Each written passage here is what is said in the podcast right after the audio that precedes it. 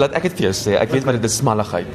Maar dit kom uit die teater uit. Dit kom van vir 8 jaar, meer as 8 jaar vir Pieter Torin Produksies werk en meer as 10 jaar terug vir Pieter Dirk Eis en Evita te gesien het en daai inspirasie en die verstaan van hoe dit agter die verhoog werk en wat teater vat en en en en hoe alleen hy eintlik op die verhoog is en agter die verhoog is. Ja. Al daai aspekte het saamgekom en toe het ek gedink, maar hoe kan 'n mens nie 'n film maak?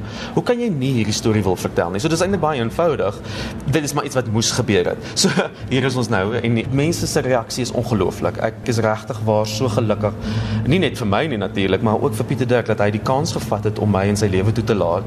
Wat ons deur die storie op watter aspekte fokus jy in hierdie rolprent? Die grootste deel vir my wat belangrik was, was sy werk en die impak en nie so seer om te krap. Hierdie is nie 'n e-true Hollywood storie nie. Dit is nie iets wat veronderstel is om 'n um, inbraak te maak op sy lewe nie. Ek wou 'n storie vertel wat wys die ongelooflike impak wat hy in die wêreld het. Nie net in Suid-Afrika nie. Iets wat ons in die film leer is hoe ja. ver sy impak is. En dan net om so 'n bietjie agtergrond te gee. Kom ons kyk so 'n bietjie waar die karakters vandaan kom.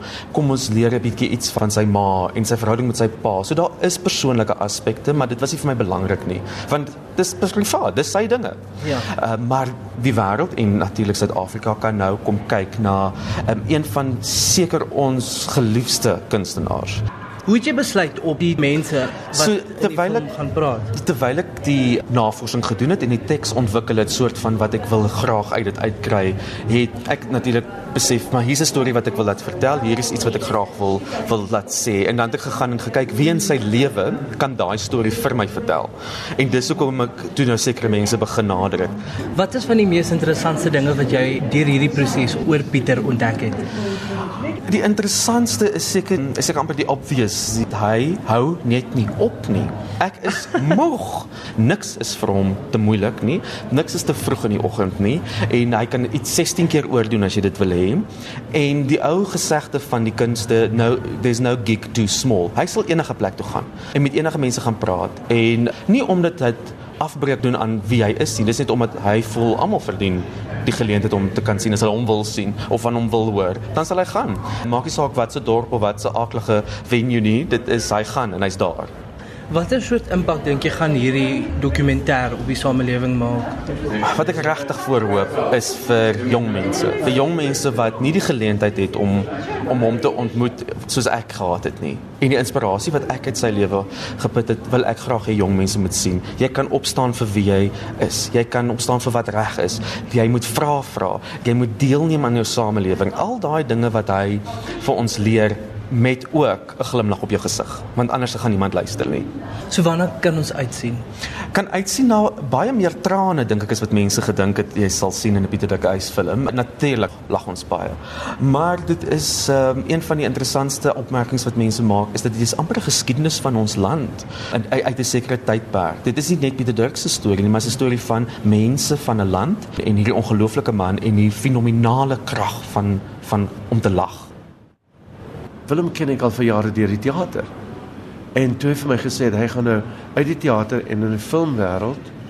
Toe sê ek hom, "Well, good luck to you. This is amazing." Hy sê ek vir my eerste ding is ek wil 'n dokumentary maak oor jou. Toe lag ek, toe sê dit gaan 'n baie kort film wees. Wat gaan jy doen? Hy sê, "Nee, wag, kom ons kyk." En toe het hy begin dinge uitwerk en research doen net na my huis gekom en deur al die files gegaan en wat nog. En skielik vir my gesê, "Luister, daar's 'n storie hierso." Ek sê maar jy weet dit beteken ek moet my deur oopmaak vir die wêreld. My deur is toe. Ek wil nie dit doen nie. Hy sê nee, dit gaan nie oor jou private lewe nie. Dit gaan oor oor jou ehm um, jou ondervindings en die feit dat jy nog hier is ten spyte van alles. En so dis 'n vir my baie interessante ondervinding. Dit is Nobody's died laughing. A journey with Peter Dergeis. Dit is 'n journey. Waar begin die journey en wanneer toe neem hierdie journey ons? Jy weet die journey begin in die middel. Ek hou ek hou nie van beginne nie. Begin is boring. Is ook nie die einde is ook boring, maar middel is interessant want jy weet nooit waar dit gaan eindig nie of waar dit begin het nie. En dit is baie slim gedoen want dit is ook baie baie sensitief geëdit en so het vat dele van my lewe van jongheid en onlangs en dan in die middel en dan die sensuurraad en dan die ou Suid-Afrika met al daai goed en die nuwe Suid-Afrika met al hulle goed En al die mense wat skielik dinge oor my sê, ek tog ja, het ons vir hulle betaal. En dit is vir my baie nice om te luister na wat wat mense sê en 'n baie belangrike aspek van die storie is, dis nie net sukses nie. Dis ook die dinge wat nie gewerk het nie. Want ek het vir, vir Willem gesê, jy weet vir my is dit nie oor die dinge wat suksesvol is nie. Vir my is dit oor die dinge wat minder suksesvol was en langer gevat het mm. om te werk. Want ek dink vandag die jong mense dink altyd as ek nie sukses het as ek 18 jaar oud is en dan se klaar met my lewe. Mm. Maar my hele lewe was 'n hele mosaïek van dinge wat verkeerd gegaan het, jy weet. En elke keer as dit verkeerd gaan, dink ek, "O, oh, hel, wat het ek gedoen?" Daar's altyd 'n rede.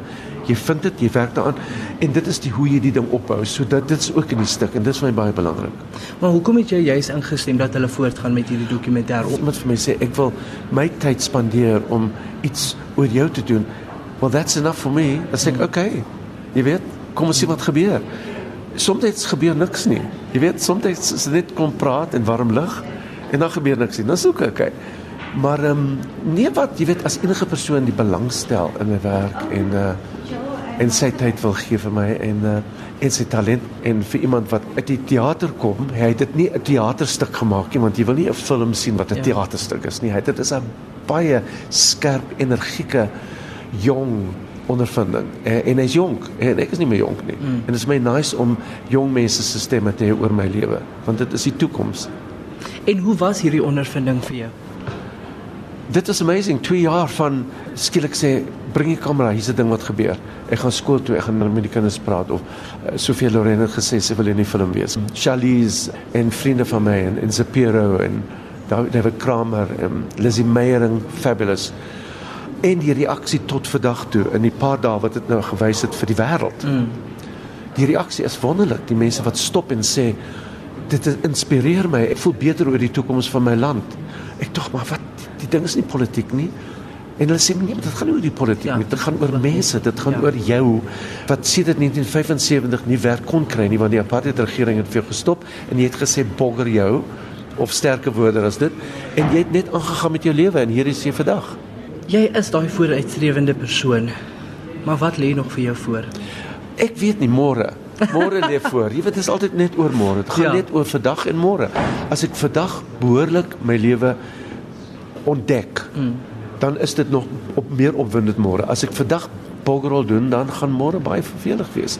Jy weet, alhoewel aan die ander kant moet ek as my as 'n producer 2 jaar vooruit werk want om 'n goeie teaterbespreking te kry, moet ek nou begin vir 2018.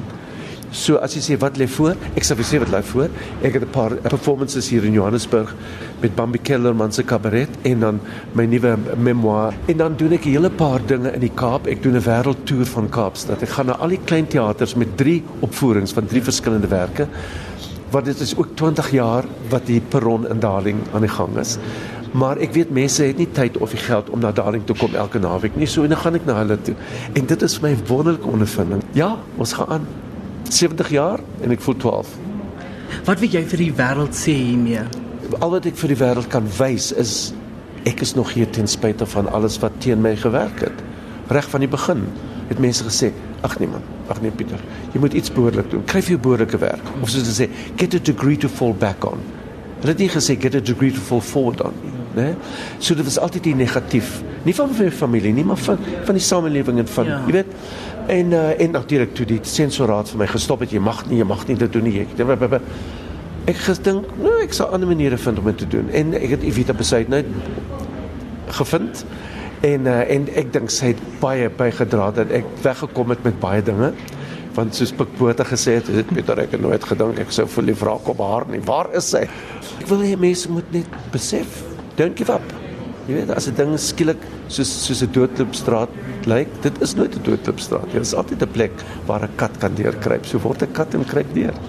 Mandela het genoem dat jy een van sy helde is. Can you believe it? Wie en wat inspireer vir Pieter Dirkhuis? Die mense wat eintlik opstaan en sê ja, ek het geval maar ek het nie seer gekry nie. Hmm. Hulle bloei, maar hulle lag daarvoor. Hulle sê let's go on with it. Kom ons gaan aan. Baie mense, mense wat siek is kanker en vigs, mense wat die meerderheid van Suid-Afrikaners wat vir soveel dekades as tweede rangse mense be behandel is deur die politiek. Hy het in 1994 hulle arms oopgemaak en gesê kom kom ons staan saam en ons loop saam en ons glimlag saam. Jy weet soos Desmond Tutu vir my gesê het, dink hy sê love your enemy it'll ruin his reputation.